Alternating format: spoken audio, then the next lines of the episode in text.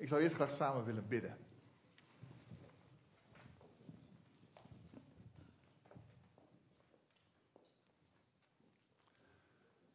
Heere God, dank u wel dat we mogen weten dat u alleen maar goed bent.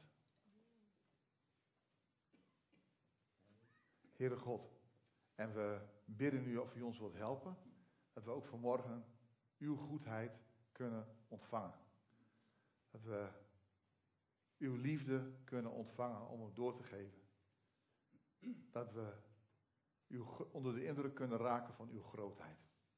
Dank u wel voor de Bijbel, waarmee u ons zo, zoveel vertelt over uzelf. En dank u wel, Heere God, dat u ook in onze levens werkt en dat we daarover kunnen getuigen. Heer, zo bidden we u om opening van ons hart. In de machtige naam van Jezus. Amen. Um, vanmorgen willen we het samen gaan hebben over een Bijbelgedeelte waar we met de kringen aan toe zijn. Dat is Josia 8. Het is een Bijbelgedeelte waar relatief, eigenlijk over deze Bijbelboek wordt vrij weinig gesproken in de kerk. En ik kan ook wel even uitleggen waarom dat zo is. Er komen best wel wat moeilijke elementen in voor. Uh, Josia 8 bijvoorbeeld, daar wordt de stad Ai wordt helemaal verpletterend verslagen. Er blijven geen mensen meer over. En dat voelt heel, on, heel, heel moeilijk, voelt dat. En daarom, ja, ik kan het uit de weg gaan, maar ik kan het maar beter gewoon benoemen. Een van mijn docenten op het seminarium zei tegen, mij, van, tegen ons van, joh, als Gods woordje niet ligt, dan moet je anders gaan liggen. En dat hou ik me gewoon voor ogen, want God is goed. God is goed. We gaan bezig met Josia 8. En het eerste woord wat daar staat is daarna. En als je het woord daarna ziet, dan ga je gelijk denken, waarna? Er is nogal wat aan vooraf gegaan. Als je kijkt, het volk Israël stond voor de Jordaan. En toen werd Josia het leider van het volk. En God zei tegen hem, wees sterk en moedig. Ja, waarom? Waarom zou hij sterk en moedig moeten zijn? Dat land was al voor, voor, voor de Israëlieten. Ze hoefden alleen maar te veroveren. God zou het doen. Dus waarom moest hij nou sterk en moedig zijn? God zegt nog een keer: wees sterk en zeer moedig. En vervolgens zegt hij: wees sterk en moedig. Dat betekent, er komen wat lastige situaties aan. Nou, de eerste, eerste lastige situatie zagen ze al. Dat was een stad wat daar lag, de stad Jericho. En God zei: ga er naartoe en loop eromheen. En ze liepen eromheen. De laatste dag zeven keer. En toen gingen ze juichen. En die hele stad stortte in elkaar. En die stad was op dat moment direct volledig overwonnen. Ingenomen, klaar, het was helder. Dit had God gedaan. Nou, als het zo makkelijk gaat. Dan doen we het voor, toch? Nou, toen kwam de tweede hindernis. Twintig kilometer verderop lagen, lagen eigenlijk twee steden, Bethel en Ai. En Bethel en Ai liggen vlak bij elkaar. En je kunt eigenlijk zeggen dat was net als uh, Appingedam en Delfzijl. Op het moment dat het nodig is, werken we samen. Daar komt het op neer. Nou, toen uh, heeft uh, die heeft een paar verspieders daarheen gestuurd. En die, heeft gekeken, die hebben gekeken wat ze moesten doen. Nou, dat was vrij duidelijk. Het is een vrij klein stadje, dat Ai. En uh, 2000, oh, 3000 mensen. Dat is meer dan zat. 2000 zou eigenlijk al wel genoeg zijn, maar 3000 was meer dan zat. Zo kwamen ze bij Jozua terug. En Jozua dacht, weet je, ik luister naar hen. Dit is een stap in geloof. God heeft ons dit land beloofd. Dit is een stap in geloof. En als stap in geloof gaan wij gewoon met die 3000 man aan de slag. Hij was voorzichtig. Hij ging niet voor die 2000. Hij ging voor die 3000. En deze stap in geloof was heel dapper van hem. Want eigenlijk was 3000 maar krap maar genoeg. Het lastige bij een stap in geloof is, een stap in geloof zet je op het moment dat je weet dat God het wil. En bij deze wisten ze het niet. Dus ze gingen er naartoe. En ze gaan naar die stad toe met 3000 mensen. En de mensen uit de stad komen naar hen toe. En die gaan vechten met hen. En die verslaan ze. En ze slaan op de vlucht. En dan staat er. En Ik wil de boel niet grappiger maken dan het is, maar daar staat er, er werden ongeveer 36 doden. Het rare bij ongeveer is, dan zou je geen 36 zeggen, maar 40. Bij 36 is het is precies 36, of het is ongeveer 40 of ongeveer 30, toch? Nou, dan zie je een cultuurverschil. Het cultuurverschil is namelijk, wij hebben het decimale stelsel. Wij tellen in tientallen en zij telden in zestallen. Dus eigenlijk was het getal 36 voor hun, wat het getal 100 voor ons is, zeg maar. Niet qua aantal, 36 klopt wel in de buurt. Maar op het moment dat ze zeggen ongeveer 36, dan was het gewoon 6 keer 6. Hun, hun eerste, uh, zeg maar een nulletje erachter, daar komt het op neer. Dus dat, dat is 36 doden. Maar dat is toch raar, want God zou toch, toch het land in bezit geven. Dus toen ging Jozua naar God. En hij zei tegen God, Heer God, wat is er aan de hand? En hij was echt heel verdrietig. Hij ging op zijn knieën. En God zegt, jongen, kom op. Dit is, zo doen we dat niet. Er is wat gebeurd. Er is wat voorgevallen. Nou, wat dan? Nou zegt God, er heeft iemand die heeft gelogen. Er heeft iemand gestolen. En er heeft iemand mijn verbond verbroken. Dat zijn nogal wat grote dingen. Gelogen, gestolen, verbond verbroken. En toen zijn ze gaan zoeken, gaan loten en uiteindelijk heeft God aangewezen, het is Agan. En Agan, die werd gedood. En daarmee was dit voorbij. Was er verder in het hele volk niemand meer die ging liegen, of die gestolen had, of die het verbond van God verbroken had? Zeker weten van wel. Dat volk bestond uit mensen en iedereen had zijn eigen gedachten. Iedereen heeft zich wel eens beter voorgedaan dan dat hij was. Iedereen is wel eens tegen God ingegaan. Van dat volk. Want het was een slavenvolk wat juist daarom bekend stond. Dat ze elke keer opnieuw tegen God ingingen. Maar wat je ziet is dat God regelmatig in de Bijbel situaties laat zien, in situaties laat zien, de zonde leidt tot de dood.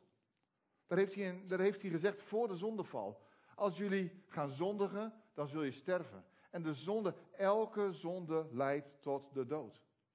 En dat liet God hier zien. Heeft God op meer plaatsen laten zien. De zonen van Aaron bijvoorbeeld.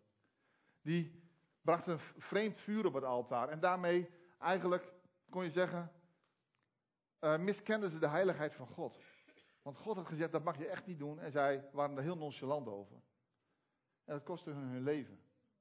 Is één keer gebeurd. Is er nooit meer vreemd vuur op het altaar gebracht? Is Gods heiligheid nooit meer een geding geweest? Jawel, vaak genoeg. Maar is één keer gebeurd. De mensen in de woestijn, die mopperden. Die waren niet tevreden over wat God deed. En God stuurde slangen. En duizenden mensen stierven op dat moment. Zijn er nooit meer mensen geweest daarna die gemopperd hebben op God? ik, uh, ik weet niet hoor, maar ik denk dat er hier in de zaal een heleboel mensen zijn die zeggen van ik heb wel eens gemopperd op God. Er zijn geen slangen gekomen. Nee. God heeft toen wel laten zien, ik vind dit heel erg. We zien dat het is niet alleen maar voor dat de Heer Jezus gestorven en opgestaan is, maar ook na de tijd. Ananias en Safira, die bedrogen de Heilige Geest die, die deden zichzelf beter voor dan dat ze waren. Laat ik het maar gewoon heel simpel zeggen. Ze deden alsof ze betere christenen waren dan dat ze waren, terwijl ze heel goed bezig waren. Ze hadden hun bedrijf verkocht. En ze hebben tegen eh, de apostelen gezegd van, hier is het geld, hier is de opbrengst van het bedrijf. Maar ze vertelden niet bij dat ze ook nog wat achterhielden voor een wasmachine en een nieuwe auto. Dus ze deden alsof ze alles gegeven hadden. Maar dat hadden ze niet gedaan. En op zich was het niet erg dat ze niet alles gaven. Alleen het ging erom. Ze lieten de buitenkant belangrijker zijn dan hun hart. En God vond dat erg. En God zegt: de zonde leidt tot de dood. En zij hebben hun leven op dat moment. Ja, moeten geven. Dit was voorbij. Is ook één keer gebeurd. En dan wil ik jullie vragen: wie van jullie. Je mag je hand opsteken. Heeft ze nog nooit beter voorgedaan dan dat hij is? Nog nooit. Nou, ik zie weinig vingers. Ik zie weinig vingers. Goed, ik heb het ook wel eens gedaan. Dus um, God vindt dat wel heel erg. Elke zonde leidt tot de dood. God laat dat zien. En God liet het hier zien door aangaan. En wat gebeurde er? Het volk was diep, diep, diep onder de indruk. Er staat zelfs dat hun hart smolt als water. Dus er bleef weinig meer van deze mensen over. En toen, toen zei God. Daarna zei de Heer tegen Jozua: Wees niet bevreesd en wees niet ontsteld. Neem al het krijgsvolk met u mee en sta op. Trek naar Ai. Zie, ik heb de koning van Ai, zijn volk, zijn stad en zijn land in uw hand gegeven. De mensen moesten even weer weten, ik ga mee. God gaat mee. Hij heeft het gedaan. Maar we eens kijken hoe. Moet je nu eens kijken hoe. U moet met Ai en zijn koning doen zoals u met Jericho en zijn koning gedaan hebt. Alleen mag u zijn buit en zijn vee voor uzelf roven. Leg voor uzelf een hinderlaag tegen de stad aan de achterzijde ervan. Toen stond Jozua op met alle krijgsvolk om op te trekken naar Ai. En Jozua koos dertigduizend mannen uit. Strijdbare helden. Hij stuurde hen s'nachts op weg. En dat was precies in opdracht van God. God zei, zegt, neem je hele leger. En wat neemt hij mee? 30.000 mensen. Die stappen in geloof van 3000. Ja, dat was natuurlijk een, uh, een uh, hele mooie stap in geloof. Maar God zei nu, doe het op mijn manier, neem 30.000 mensen mee. En God komt met een strategie die eigenlijk niet kan mislukken.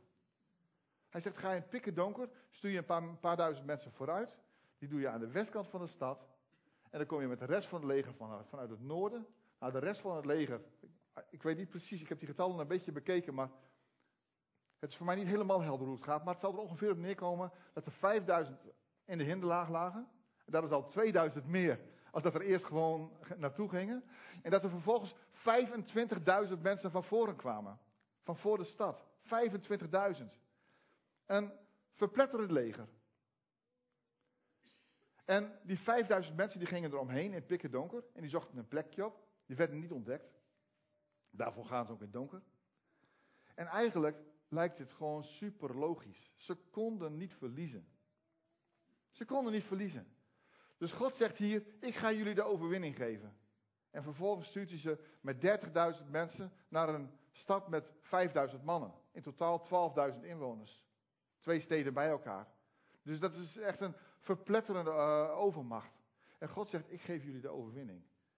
Eerbiedig gezegd, ja, de. Daar hoef je geen profeet voor te zijn om dan te kunnen zien dat je gaat winnen, toch? Want ze konden eigenlijk niet eens verliezen. En je kunt hier zien, God werkt hier in gewone omstandigheden. God gaf die overwinning. Hij zei ook, ik geef je die overwinning. En ik geef je die overwinning op een normale manier in dit geval. En de strategie was, jullie gaan naar die stadspoort toe, met die 25.000 man. En dan komen die 3000 mensen, die komen naar buiten rennen. En als jullie dan hen zien, dan doe je net alsof je bang bent. Nou, ik kan je vertellen, als je op een vlucht slaat voor een leger, ook al is het maar een klein leger, dat is eng. Dus het was, het was niet makkelijk. Een oorlog is, is niet makkelijk of leuk. En Josia, die rende daar met zijn speer. Hij rende daar. En op een gegeven moment zegt God van, strek je speer uit. Nou, dat is raar. Dat is raar. Strek je speer uit. Wat helpt dat nou? Want dit is niet een speer waar je mee moet steken, maar eentje waar je mee moet gooien. Dus je speer uitsteken, dan doe je, dan doe je iets wat helemaal, niet, wat helemaal niet bij het wapen hoort ten eerste. Ten tweede, als je je speer uitstrekt, dan valt er niet zo gek veel meer te vechten. Maar Josia, die strekte zijn speer uit naar Ai. Wanneer? Op het moment dat ze nog midden in de achtervolging zaten. Dus ze werden nog achtervolgd. En hij strekte zijn speer uit naar Ai. En de mensen bij Ai die zagen de speer, denk ik. Ik weet niet precies, maar je kunt, als je het een beetje tekent op een kaartje, kun je begrijpen dat ze dit misschien waar hebben kunnen nemen op afstand. Ze zagen die speer en ze dachten, nu gaan we de stad in. En ze gingen de stad in. Waarom? Omdat God tegen Josia zei, strek je speer uit. En Josia was gehoorzaam. Hij deed iets raars. Strek je. Dit doe je niet in de oorlog als iedereen aan het vechten is. Ga je niet zo staan. Dit is gewoon raar. Maar God zei tegen hem: strek je speer uit. En Jozua, die strekte zijn speer uit. Dat lezen we in vers 18. In vers 26 lezen we dat Jozua zijn speer uitgestrekt had. Totdat de overwinning volledig was. Dus Josia die heeft de hele dag zo gestaan. En hij kende dat. Want hij had het ook gezien bij Mozes. De leider die voor hem leider was. Hij heeft het gezien. Hij was nog generaal. En Mozes die zat op de berg. En hij hield de staf omhoog. En die staf die werd omhoog gehouden. En die hield hij maar omhoog. Van s morgens vroeg tot s avonds laat. En zolang als die staf omhoog was, was daar de overwinning. Dus toen Josia hoorde, stek je speer uit, dan had hij wat bekend. Hij wist, nu moet ik mijn speer, nu moet ik in gehoorzaamheid moet ik volgen. De 25.000 mensen draaiden zich om, begonnen te vechten tegen de mensen van de stad Ai. De 5000 mensen uit de hinderlaag kwamen tevoorschijn. De stad werd verpletterend verslagen. 12.000 mensen kwamen om. Ik vind dat heel moeilijk. 12.000 mensen kwamen om. Het was de opdracht van God. Hoe moeten we dat nou duiden? 12.000 mensen kwamen om. Ik vind hem lastig. Ik zal een paar dingen eh, geven en ik denk dat je op de kringen er maar eens over door moet praten. Speren omhoog houden zodat er overwinning er is, is trouwens best wel, uh, is, best wel een dingetje. Uh, die 12.000 mensen, dat heeft te maken met de moederbelofte, Genesis 3, vers 15. Ik zal vijandschap zetten tussen u en de vrouw, tussen uw kinderen en haar kinderen. Dit zal u de kop vermorzelen en u zult de hiel vermorzelen. Dit is de vijandschap tussen het rijk van de duisternis en het rijk van het licht. Het rijk van God en het rijk van de mensen. Daar heeft het mee te maken. Het heeft er ook mee te maken dat de Heer Jezus toen nog niet gestorven was. De overwinning was nog niet behaald. Dus de overwinning moest op een andere manier behaald worden. Het heeft ook te maken met het feit dat wij in onze cultuur uh, oorlogen op een vreselijke manier uh, meemaken. En dat in die cultuur oorlogen meer een heroïsch gebeuren was. Dus dat is, wij benaderen het ook heel anders. God zei, strek je speer uit. En Jozua ging voor de overwinning.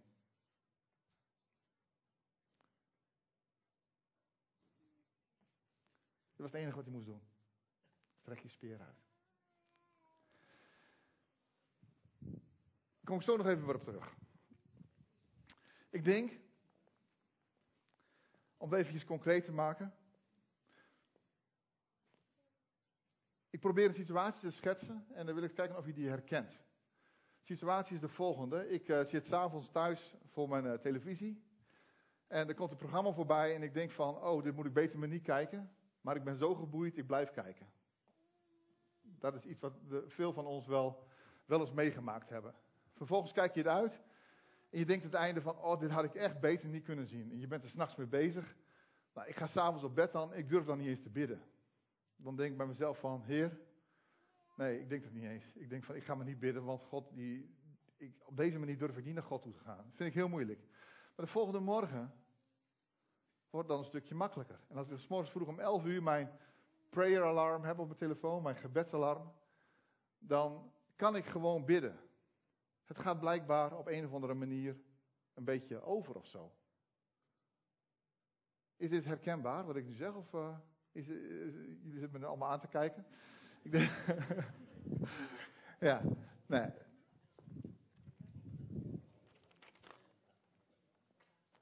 Het kan ook op heel veel verschillende gebieden zijn. Het kan zijn dat ik heb zitten mopperen. Mopperen op God, of mopperen op mensen om me heen. Of ik heb gelogen. Of heb ik gestolen. Of ik heb Gods verbond verbroken. Ik weet nog één keer, dat was een hele moeilijke vond ik. Toen zei iemand iets tegen mij en toen, toen, toen zei ik van dat ga ik niet doen. Zeiden ze, maar als God het nou van je vraagt. Ik zei, dan moet God maar even wachten. Ik was toen echt behoorlijk dwars. Maar daar heb ik jaren last van gehad. Wil je dat wel geloven? Ik heb daar jaren last van gehad. En dan, ja, dat is wel iets, ik bedoel, dit is hetzelfde als wat Agan deed. Die deed gewoon, die ging rechtstreeks tegen Gods wil in. Of ik ben nonchalant omgegaan met Gods heiligheid. Of ik ben in opstand gekomen. Ik heb me lelijk gedragen. Ik heb mijn leidinggevende gekwetst. In de, woestijn zagen we Korach, Datan en Abiram. Die het niet eens waren met de leiding van het volk. die moesten het bekopen met hun leven. Of ik me beter voorgedaan dan dat ik ben. En nu noem ik de dingetjes die ik eventjes heel concreet naar voren kan halen waarvan God zegt van joh, de zonde leidt tot de dood, kijk maar. En dan heb ik dat gedaan en dan. Dan de volgende dag, ja, het blijft de hele tijd bij me. Het blijft bij me, het, het, het zit in je. En ik, ik vertel het aan God en ik zeg tegen God, ik vind dit moeilijk en ik, had het niet moeten doen en ik, sorry, sorry, sorry daarvoor. En dan? Ja, maar hoe lang geldt dat nou? Hoe lang blijft het hangen? Wanneer is het voorbij? Um, op een gegeven moment ben ik er overheen. En dan heb ik weer een hele open relatie met de Heere God en dan kan ik weer verder. En dan weet ik ook van, het is goed tussen mij en God. En dan zit ik voor de televisie en dan komt het programma ervoor en dan klik ik hem uit. En dan ga ik de volgende dag, gaat het weer helemaal goed. En ja, op een gegeven moment dan heb ik een keertje een moeilijke dag. En dan zit ik op de, op de televisie en dan kan ik het niet uitzetten. En dan gaat het weer van voren af aan. Nou, dit. Ik denk dat, dat het voor ons wel herkenbaar kan zijn. Nou, dat is een situatie die vergelijkbaar is met de situatie van het volk. Hun hart was als water. Er was een zonde gebeurd en God had daar heel hard op gereageerd. En had tegen ze gezegd van, zonde leidt tot de dood, kijk maar. Ik vind het heel erg. En God vindt het heel erg. God vindt al die dingen die ik nu opnoemde, vindt hij heel erg. En elke zonde leidt tot de dood. Maar, hoe mag ik daar nu mee leven? God laat dat zien. En God die komt met een overwinning. Alleen niet met een verpletterend wonder. Niet met een overwinning van ik stuur een regenbui en de mensen die, uh, die komen in een dal en een dal loopt vol water en iedereen verdrinkt of zo. Niet zo'n soort wonder. Of de soldaten die gaan elkaar doodmaken. Of, nee, dat was het wonder bij Gideon met maar 300 man. God zegt, ik kom met 30.000 mensen, ik ga het op de natuurlijke manier doen. Maar wel op mijn manier. Wel op mijn manier. Want ik vraag van jou gehoorzaamheid. Wees gehoorzaam. Steek die speer op. Doe gewoon wat ik van je vraag. Dat is wat God zegt. Het gewone is niet gewoon. Het gewone is, is net zo bijzonder als het bijzondere. Er zijn veel, ik, ja, als ik aan ga bidden voor eten, dat doe ik overal waar ik ben. Als ik eten heb, dan, dan dank ik God ervoor. En er zijn mensen, ik hoef God er niet voor te danken. Op mijn werk was het ook altijd, in, toen, ik in een machinefabriek werkte, was er ook regelmatig werden daar grapjes over gemaakt. Ik hoef God er niet voor te danken. Want ik werk er hard voor. Ik ga naar de winkel toe, ik koop dat brood. En sommige eco-mensen die zeggen van, ik kweek het zelf. En ik, en ik en weet ik veel wat allemaal. Wat, wat heeft God er nou mee te maken? Nou, alles. Want God heeft ervoor gezorgd dat het gegroeid is.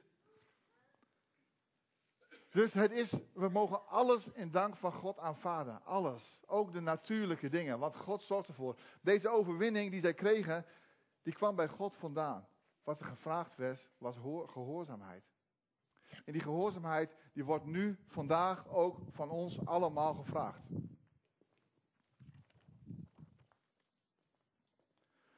Gehoorzaamheid betekent dat we bidden, dat we in verbinding blijven met God.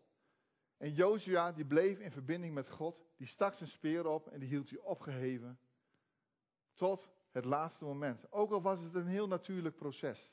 Hij was in alles afhankelijk van God. God die wil graag dat we bij hem beginnen. Jozua en het hele volk hadden meegemaakt hoe boos God kon zijn. Hoe erg God de zonde vindt. Ze hadden het meegemaakt. En dan zegt God tegen Jozua en tegen het volk: Kom op, we gaan samen verder. Ik ga dit niet bovenaan laten staan. Ik ga vanaf nu weer helemaal, niet alsof er niks gebeurd is, want er is wel wat gebeurd. Maar ik zal, en, en jullie zijn onder de indruk geraakt van mijn grootheid, zegt God.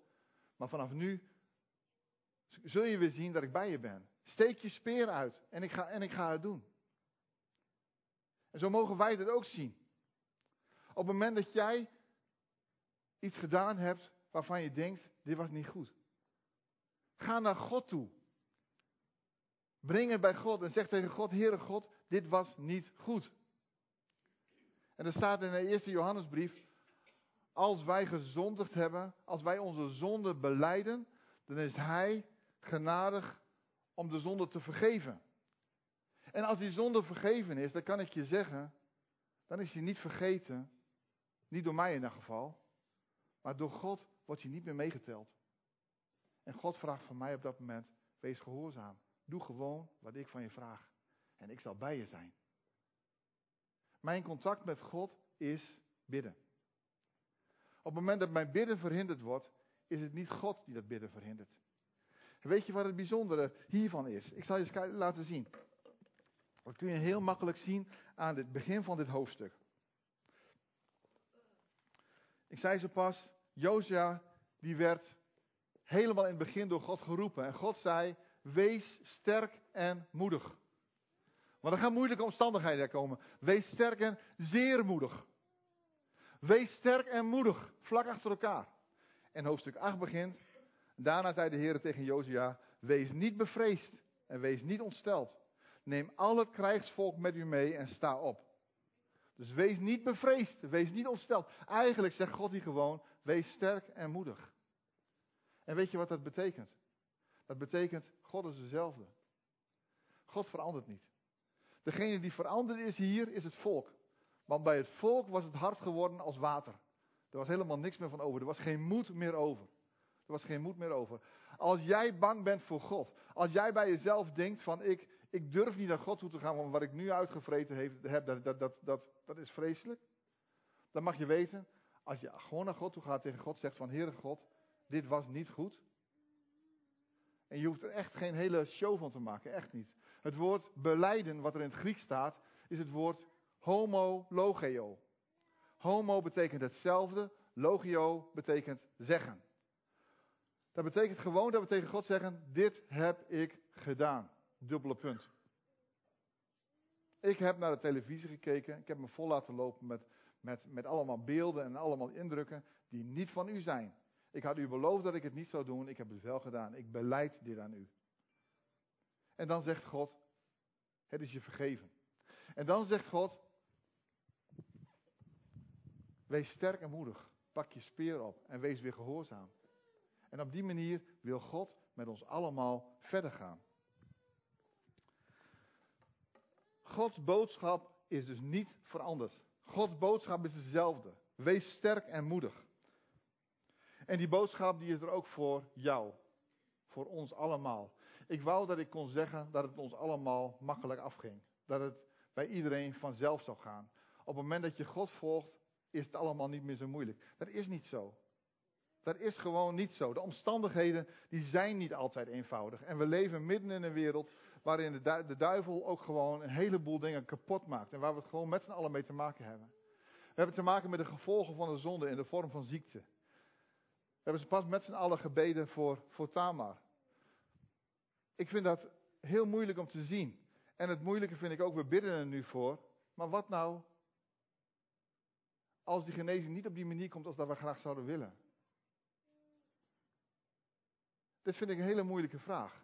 En deze vraag gaan wij aanstaande dinsdagavond bij stilstaan in het huis van gebed. En ik wil er ook graag, ja, als we, we gaan ook samen bidden dan. Ook voor, ja, als je moeilijke dingen hebt, mogen we die naar voren brengen. Kunnen we samen voor bidden. Maar deze vraag gaan we daarbij stilstaan. Wat als God nu geen genezing geeft?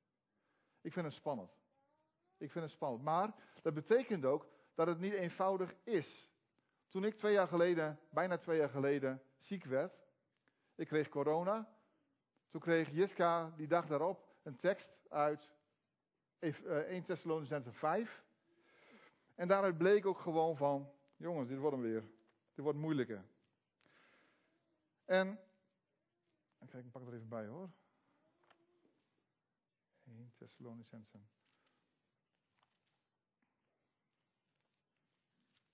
5.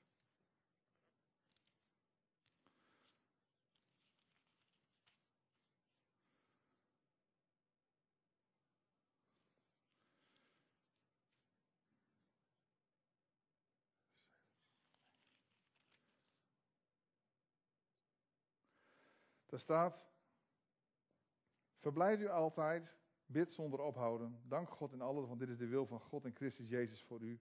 Blus de geest niet uit, veracht de niet, beproef alle dingen, behoud het goede, onthoud u van elke vorm van kwaad. Oftewel, Jiske zegt, ik geloof dat ik een boodschap voor jou heb, dat is deze boodschap. Dus ik moest eventjes weer helemaal opnieuw op de rit gezet worden. En vanaf dat punt verder. Toen dacht ik van, oh, dit wordt een hele taaie. En dat is een hele taaie geworden. Ik ben erg ziek geweest. Maar in die ziekte mocht ik me vasthouden naar God. En wist ik, God gaat met me mee. Wist ik dat ik zou genezen? Nee. Op een gegeven moment wist ik het wel. Want toen was ik al zo ver geweest dat ik samen met de Heer Jezus gewandeld had. En dat, God, dat ik aan hem gevraagd had, mag ik weer terug naar Jiska? En dat mocht. Dus zo ver ben ik weer weg geweest. Maar uiteindelijk mochten we samen weer verder. Maar het was een hele moeilijke weg. Het was een hele diepe weg. En dat, die wegen die gaan we met elkaar. En soms is, het, is de oorzaak aan te wijzen.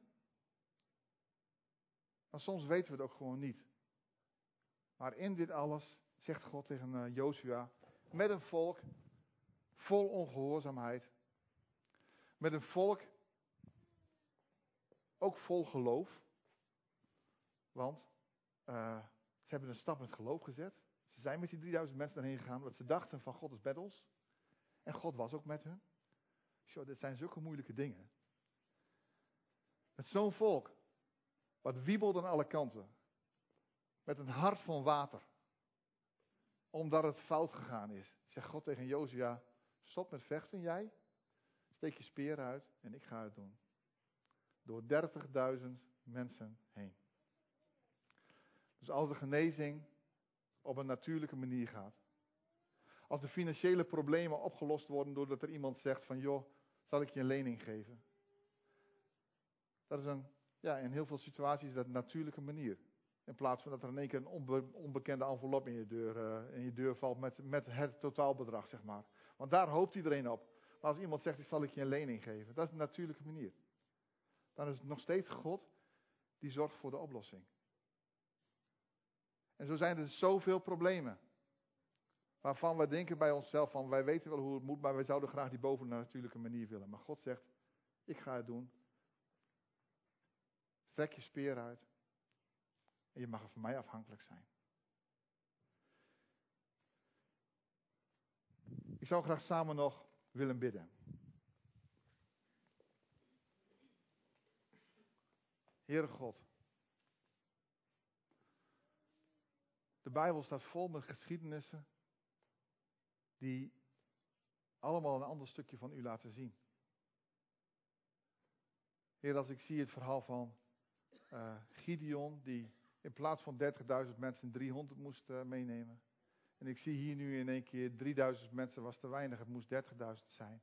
Heere God, u bent niet een, uh, een computer die we na kunnen rekenen. Eerbiedig gezegd, u bent God. En u bent goed. En in alles bent u altijd goed, ook al begrijpen we u niet. We komen nu eerbiedig bij u, Heere God. Met dit hoofdstuk uit Joshua. En we bidden u. Wilt u ons helpen om gehoorzaam te zijn? Net zoals Joshua gewoon gehoorzaam was in gewone omstandigheden. Wilt u ons helpen om gehoorzaam te zijn als u ons een opdracht geeft? Als u zegt stop nu en bid, help ons dan, Heere God, om te stoppen en te bidden. Heere God, als u zegt, laat je dopen. Help ons dan om de stap te zetten om ons te laten dopen. Als u zegt, ik ben belangrijker dan je spullen. Wilt u ons dan helpen om daar ook de goede keuzes in te maken?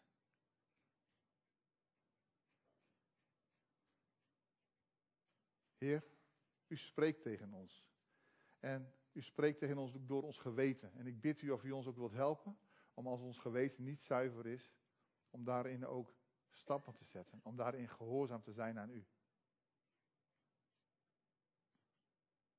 Heer, zo brengen we onszelf als gemeente bij u. En ik bid u, Heere God, help ons om een weerspiegeling te zijn van u, zoals u ons bedoeld hebt. Laat ons mensen maken naar ons beeld en ons gelijkenis. mensen die op u lijken en die heel erg veel op u lijken. Heere God, help ons dat we op u lijken, zoals u het bedoeld hebt.